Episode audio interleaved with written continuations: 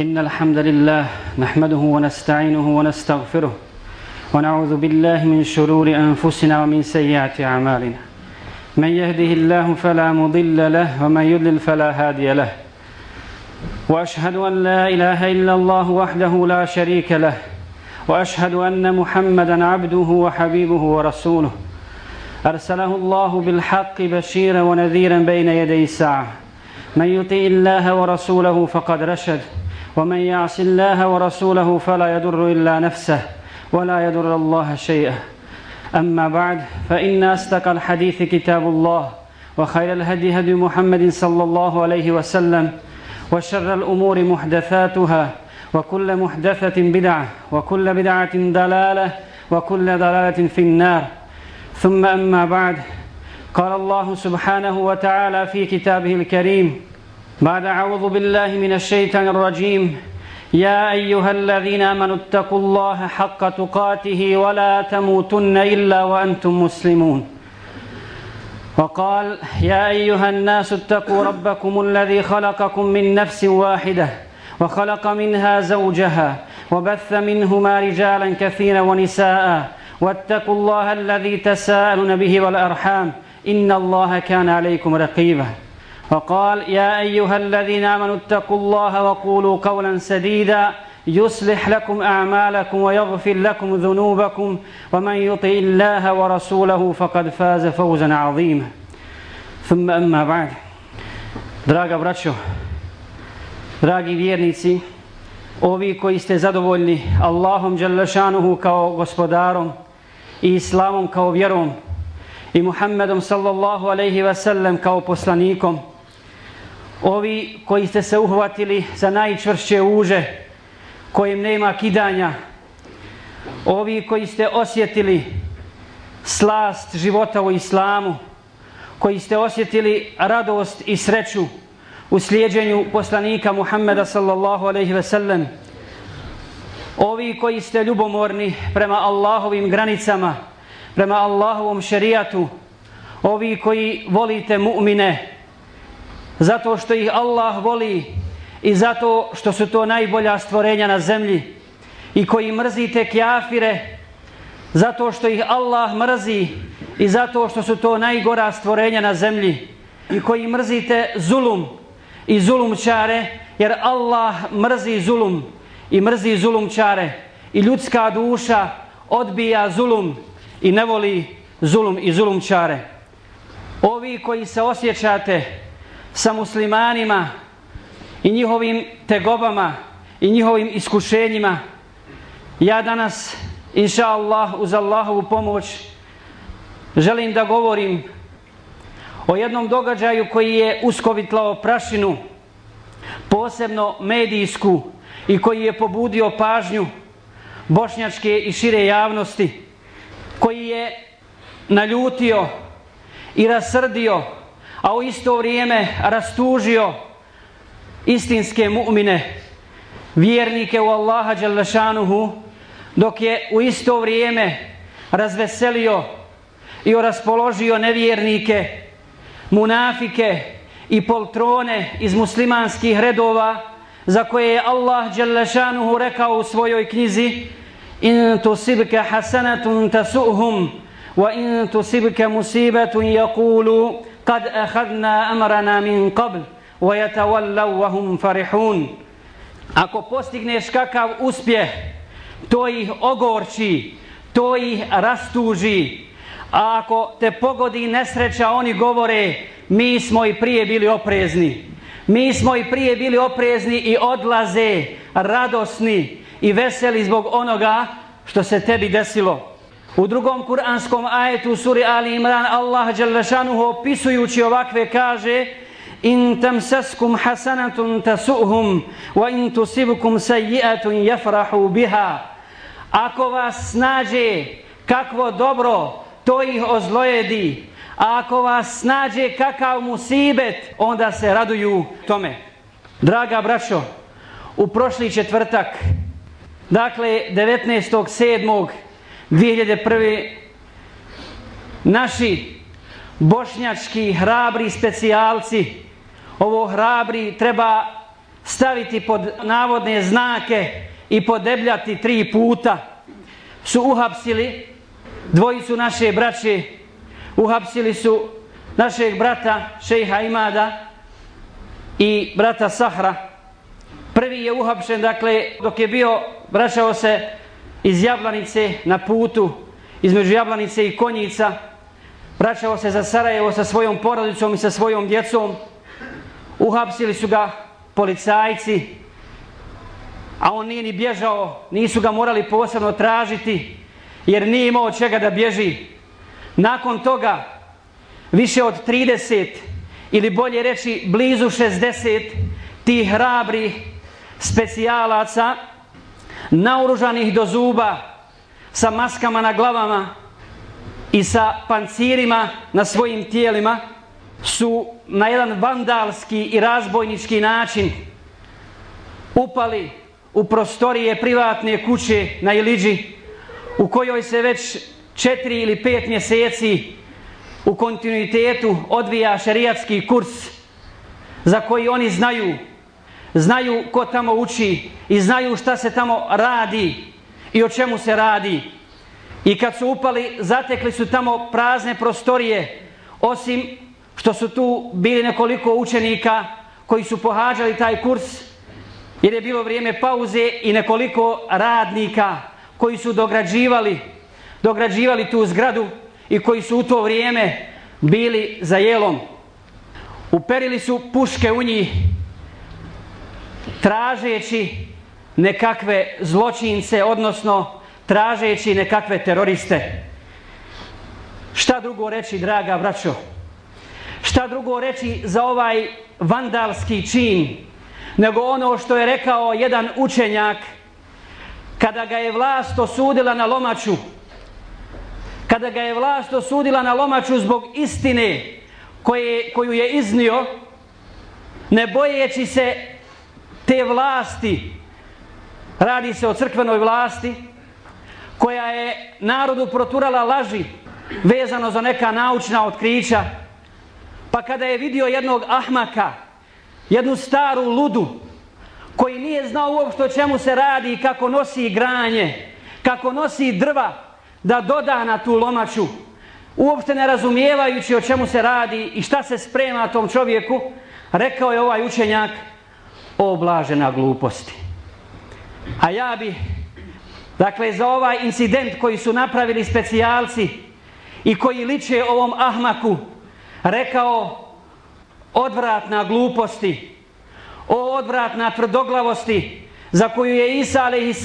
rekao kako stoji u jednom eferu, u jednoj predaji, Allah Đalešanuhu mi je dao da mogu liječiti gubavca i slijepog čovjeka, ali tvrdoglavom čovjeku nisam mogao ništa. I da ovaj slučaj nije žalostan i bjedan i da nema vrlo opasnu pozadinu, da nema vrlo opasnu pozadinu to bi zaista bilo smiješno i ličilo bi na pravi cirkus. Međutim, draga moja braćo, ono što ja želim danas posebno spomenuti jeste da nam mora biti jasno da ovim razbojničkim činom nevjernici koji su naručili ovakav vid hapšenja i prepada i upada u muslimanske građevine i nastambe, žele da nam daju do znanja po ko zna koji put da nas neće ostaviti na miru. Da oni nas ne trpe da oni nas ne vole. A zašto? samo zato samo zato što smo muslimani i ne samo što smo muslimani nego što je alhamdulillah Allahovom voljom i dozvolom onoliko koliko možemo i koliko znamo pozivamo ljude u islam i želimo da uz Allahovu pomoć, Allahovo svjetlo pobjedi tamu kufra, pobjedi tamu kufra i želimo da na taj način osvjetlimo ljudima istinu, da otkrijemo laž i spletke nevjernika i munafika, koji sada u nekakvom miru pod navodnim znacima, a to je nepostojeći mir, žele da ostvare ono što nisu ostvarili u ratu. Ono što nisu mogli puškom, sada hoće posebnom politikom da ovaj muslimanski narod istrijebe sa ovih prostora ili u najmanju ruku, u najmanju ruku da ih udalje od islama, da ih odrode od njihovog bića, od njihovog identiteta, kako bi sutra stali u saf zajedno s kjafirima i borili se protiv onih koje oni nazivaju teroristima. Allah Đalešanuhu u suri Al-Buruđ govori o takvima. Govori o onim spletkarošima i kjafirima koji su ubijali muslimane zbog čega? Koji su pravili rovove, iskopali rovove i vatre, vatre naložili u njih i pobacali vjernike. Zašto? Kaže uzvišeni وَمَا نَقَمُوا مِنْهُمْ إِلَّا أَنْ يُؤْمِنُوا بِاللَّهِ الْعَزِيزِ الْحَمِيدِ A nisu im se svetili ni zbog čeg drugog, nego zato što vjeruju u Allaha Đalešanu. Wallahi se ni zbog čeg drugog ne svete kjafiri muslimanima, nego zbog toga što vjeruju u Allaha i što nam zavide na našoj vjeri, na objavi od Allaha koja je autentična i koju su muslimani prve generacije sačuvali i donijeli do nas uz Allahovu pomoć. Na tome zavide i od toga žele da nas odvrati. I to je sunnetullah. Zbog toga su se svetili Ibrahimu alaihissalamu i njegovim sledbenicima i Nuhu alaihissalamu i njegovim sledbenicima i svim poslanicima i njegovim sledbenicima. I nama je to jasno. Međutim, braćo draga, ovi specijalci koji su upali na ovakav način hapsili muslimane su iz muslimanskih redova. Iz muslimanskih redova. Oni nose muslimanska imena. Zbog aktuelnosti događaja u Srebrnici, ja ću reći da su neki od njih čak rekli da su iz Srebrnice. Da su iz Srebrnice za koju znamo šta se u njoj desilo i kakav pokolj i genocid se desio u Srebrnici muslimanima. Ovdje se postavlja jedno pitanje. Zašto muslimani napadaju muslimane? Zašto islamske države ili muslimanske države, one države u kojima su muslimani većina, zašto se odriču svojih najboljih sinova? Zašto se odriču svojih najboljih sinova i žele da ih vide ili u zatvorima, ili na lomačama, ili na vješanju? Zašto, braću? Na osnovu ovog događaja i drugih sličnih i možda gorih, daleko gorih događaja i primjera, ja izvlačim tri odgovora iz ovoga. Zašto se to dešava nama? Prvo, zato što muslimani ne razumiju islam. Zato što muslimani ne razumiju islam i daleko su, daleko su od istinske akide i života po toj akidi. Druga stvar koja proizilazi iz ove prve jeste kad se ne razumije akida, to je kukavičluk koji se ne da izmjeriti. Kukavičluk koji se ne da izmjeriti. I treća stvar i treći odgovor koji je možda trebao biti prvi jeste munafikluk i licemjerstvo. Licemjerstvo onih koji sebe nazivaju muslimanima. Što se tiče prve stvari, oni koji kažu i koji su došli i govorili tim ljudima da su oni muslimani, mi tačno znamo kakav odnos musliman prema muslimanu treba da ima. Šta je rekao Rasul sallallahu alaihi ve sellem? Nećemo puno govoriti o me, samo nekoliko primjera.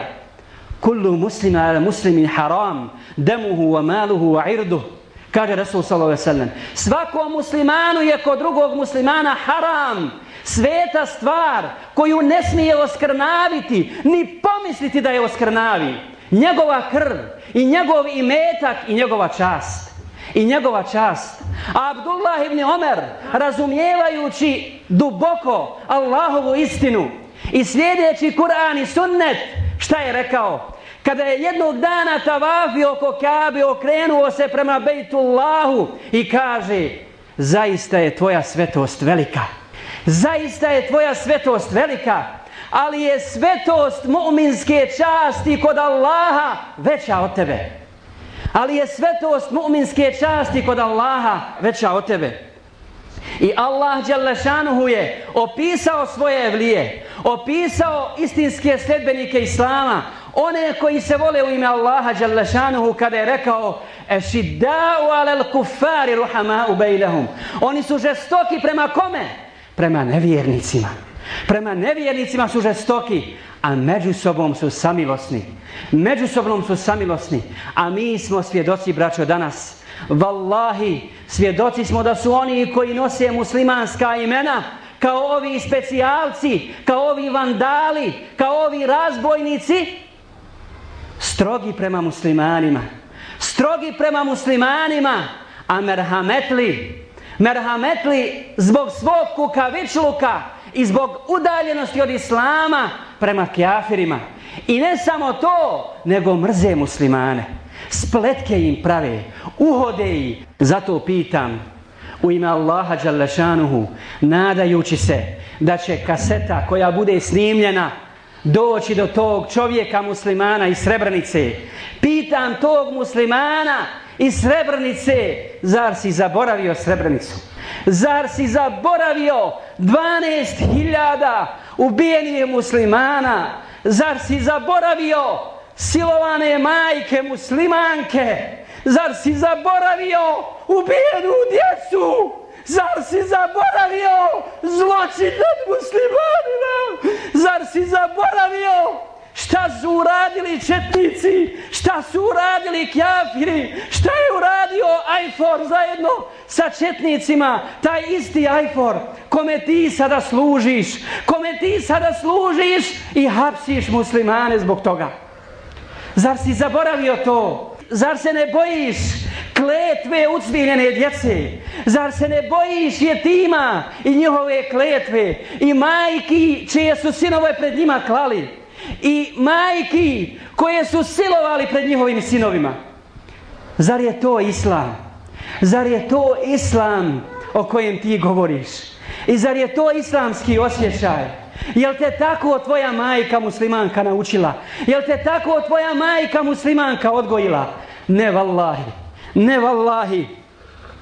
Zar ne osjećaš grižu savjesti? Zar ne osjećaš grižu savjesti? I zar ako je imaš? I zar u tebi neće progovoriti islam i ona fitra muslimanska ako je imaš ako nije potpuno umrla? I zašto ne pokažeš zube? I zašto ne pokažeš hrabrost kad treba braniti prava muslimana? Zašto tada ne pokažeš hrabrost? Zar si došao? Zar si došao ti koji si iz Srebrnice da naoružan do zuba hapsiš muslimane? A tvoje muslimane i muslimanke i našu braću i sestre iz Srebrnice istjeruju na ulice iz stanova u koje se sada vraćaju oni koji su napravili pokolj u Srebrnici. I ti kažeš da si musliman. Ne, nego pri tebi nema ni trunka islamskog osjećaja. Daleko si ti od islama, daleko si ti od islamskog razumijevanja. A kad toga pri tebi nema, onda si izdajica, onda si kukavica, onda si mulj koji nosi bujica, onda si bezlična osoba, bezlična osoba koja nema svoga cilja i nema principa, nema uzvišenih ideala i liči na one za koje Allah Đalešanuhu kaže Nahša entusibena daira. Bojimo se, jesmo mi muslimani, ali se bojimo da nas kakav musibet ne snađe od nevjernika. Da nas kakvo zlo ne pogodi, bojimo se dakle njih.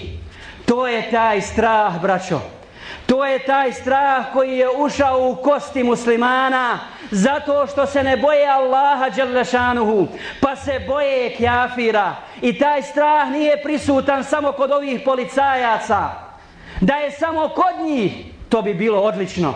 Naprotiv, taj strah je primjetan po najviše kod muslimanskih političara, onih koji predvode danas muslimane na ovim prostorima, u ovoj nepostojećoj državi, koji vode muslimane i u koje muslimani gledaju i očekuju od njih da im nađu izlaz, da ih pomognu, a oni zbog svog kukavičluka šute kao da su oni zločinci, kao da su oni zločin počinili, a ne četnici i ustaše, a ne međunarodna zajednica koja je bila saučesnik i režiser svega ovoga što se desilo muslimanima na ovim prostorima. Dakle, šute i zato u takvoj situaciji muslimani moraju da se boje. Umjesto da gledaju s ponosom svoje političare i svoje vođe kad iziđu na televiziju ili kad se jave u bilo koje mediju da govore o muslimanskim pravima, da kažu mašallah, to je naš predstavnik. I da se sigurno osjećaš kad te takav vodi. Mi se bojimo i živimo u strahu da nas svakog trenutka ne prodaju za šaku dolara. Oni koji nas vode, da nas ne prodaju za jednu pijanku u jednoj noći, za jedno orgijanje i za sitne pare. Zato se ortodoksni četnik Mirko Banjac ponosi što je četnik i zato na televiziji se raspojasa pred muslimanskim predstavnicima i maše dokumentacijom dokumentacijom za Hag čovjeka koji se borio za muslimanska prava, čovjeka koji je u to vrijeme bio predsjednik države, čovjeka čiji je narod napadnut mučki, čiji je narod poubijan, protjeran i tako dalje. To je problem, draga braćo.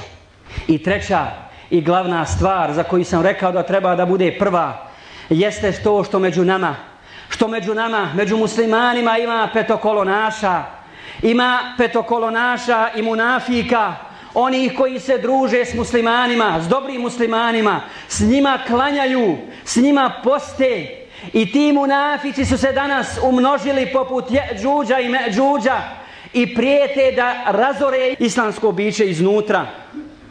Dakle, to su ti munafici koji se trebamo pribojavati i njihov zadatak, njihov zadatak je da napadaju na čast muslimana da napadaju na čast muslimana i da pljuju po toj časti poput psa, poput psa koji zaloče i zabali čistu vodu, jer je musliman kao takav čist, njegova čast je sveta i liči takav kad pljuje po toj muslimanskoj časti na psa koji vodu zaloče koja je čista, poput ovih naših hordi novinara, hordi novinara koji pljuju po muslimanskoj časti i kojima ništa nije cilj osim da na taj način zarade svoj dunjalučki bakšiš, ne bio im halal.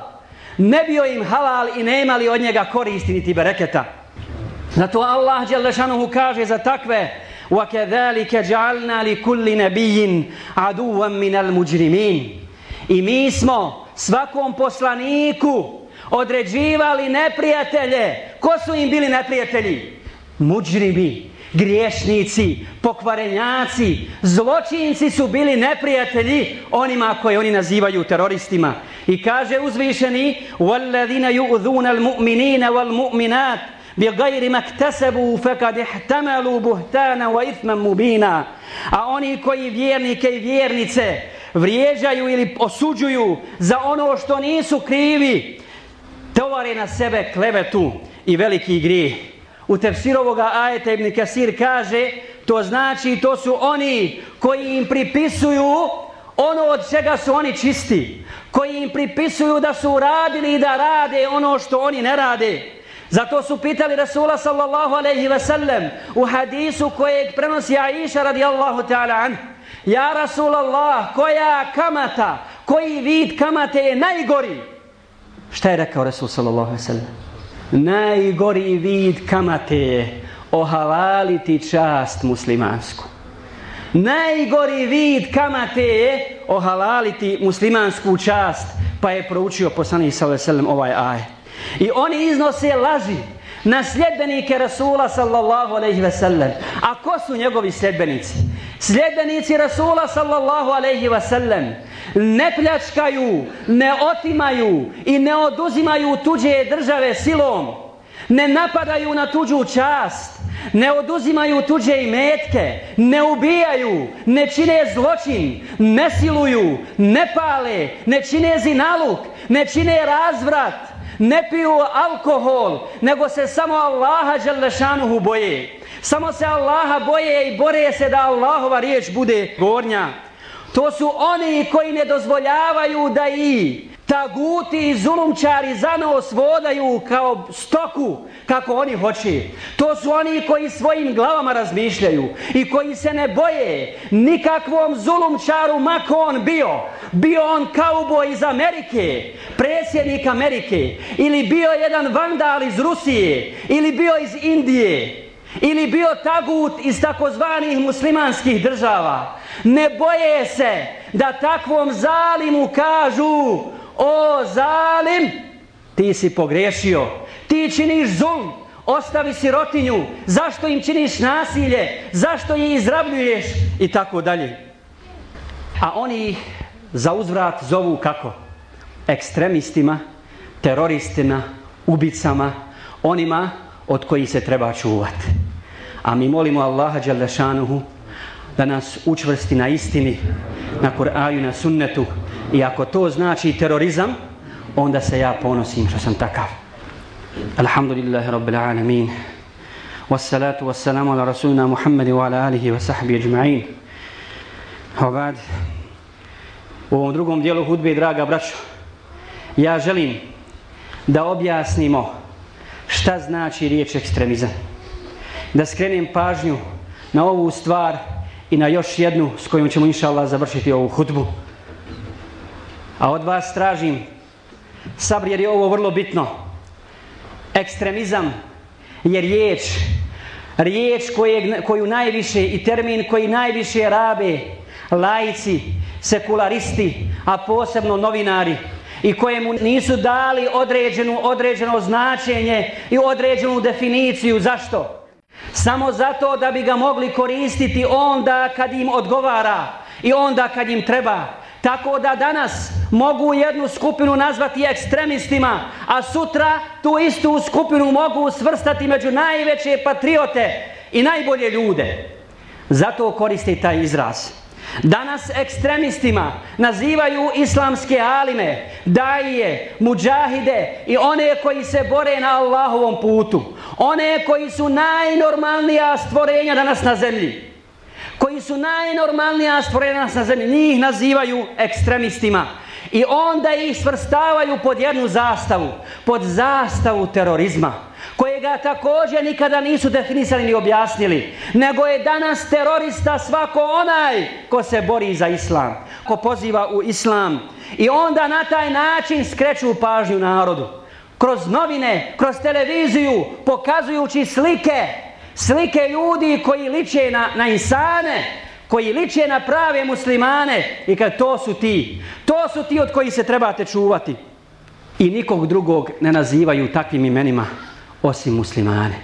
Ni židove, ni židove koji ubijaju muslimane u Palestini, koji su uzurpirali muslimansku teritoriju, koji kolju muslimansku djecu, ni Srbe, ni Hrvate, ni krstaše ostale, koji su pravi teroristi, niti države koje su pune terorista, onih istinskih terorista i ubica svega onoga što je dobro i što je ljudsko. A upozoravaju na nepostojeće teroriste i kažu da oni, da ih se mora hapsiti i da se mora njihova dokumentacija provjeravati i njihova državljanstva provjeravati. Zbog čega? A zalažu se za nekakvu demokratiju i kritikuju muslimanske sisteme, odnosno sisteme u muslimanskim državama kao što je Egipat, kao što je Alžir, Clinton zna dijeliti lekciju tim muslimanima i govoriti mora biti više slobode. A u isto vrijeme hoće da izruče, hoće da izruče te ljude u Egipat. Zašto? Kad znaju svi na Dunjaluku da je u Egiptu zločinački, tagutski režim koji takve vješa, koji znaju da svi pametni ljudi, svi ljudi koji razmišljaju svojom glavom moraju bježati iz tih država da bi spasili goli život.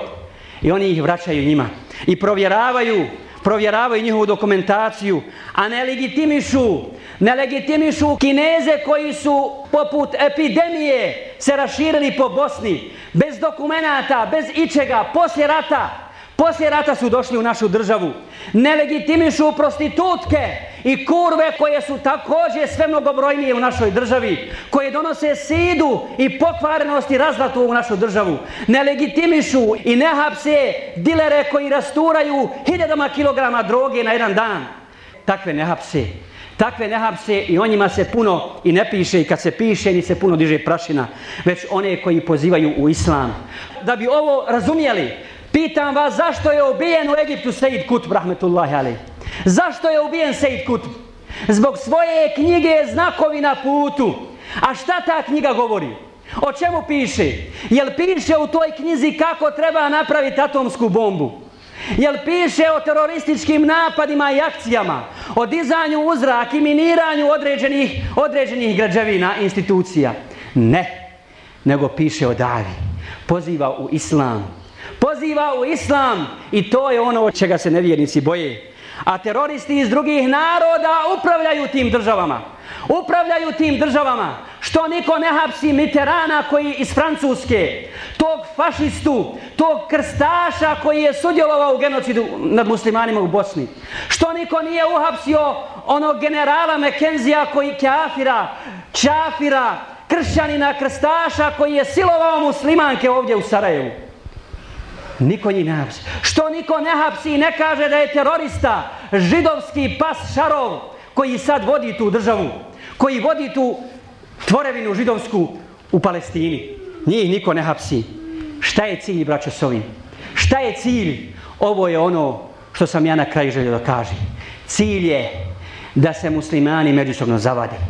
Cilj je da se od Bosne napravi Alžir, da se od Bosne napravi Alžir i ta akcija je inscenirana i tako urađena na tako vandalski način, ne bi li neko ubio jednog policajca muslimana koji se zove musliman. Ne bi li ga neko ubio da nakon toga četnici, ustaše i bošnjaci zajedno stanu u jedan saf i da se bore protiv koga? Protiv ovih izmišljenih terorista da se zajednički protiv njih bore, da se zaboravi genocid, da se zaborave sva ubijstva i sve ono što se desilo muslimanima na ovim prostorima. To je bio cilj ove akcije i sličnih akcija.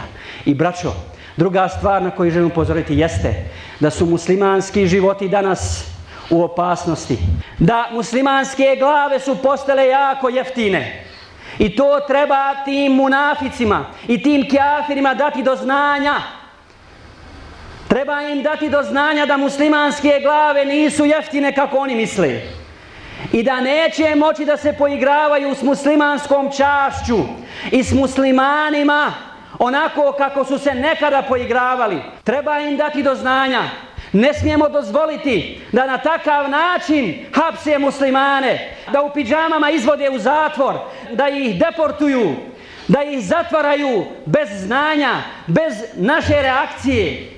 To sebi ne smijemo dozvoliti. Ako smo mu'mini, ako smo ljubovni prema Allahovoj vjeri i ako se volimo u ime Allaha Đalešanuhu. I zato upozoravam da trebamo pratiti situaciju. Trebamo pratiti stanje u kome živimo, situaciju u kojoj se nalazimo, stvari koje nas čekaju u budućnosti, a čekaju nas Allah najbolje zna velika iskušenja. I borba, borba između istine i laži koja neće prestati do sudnjega dana.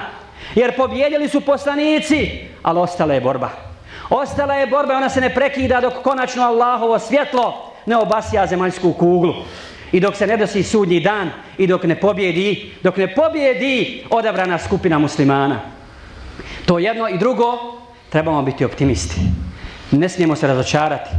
U najtežim iskušenjima poslanici i njihovi sedbenici kako se ponašali.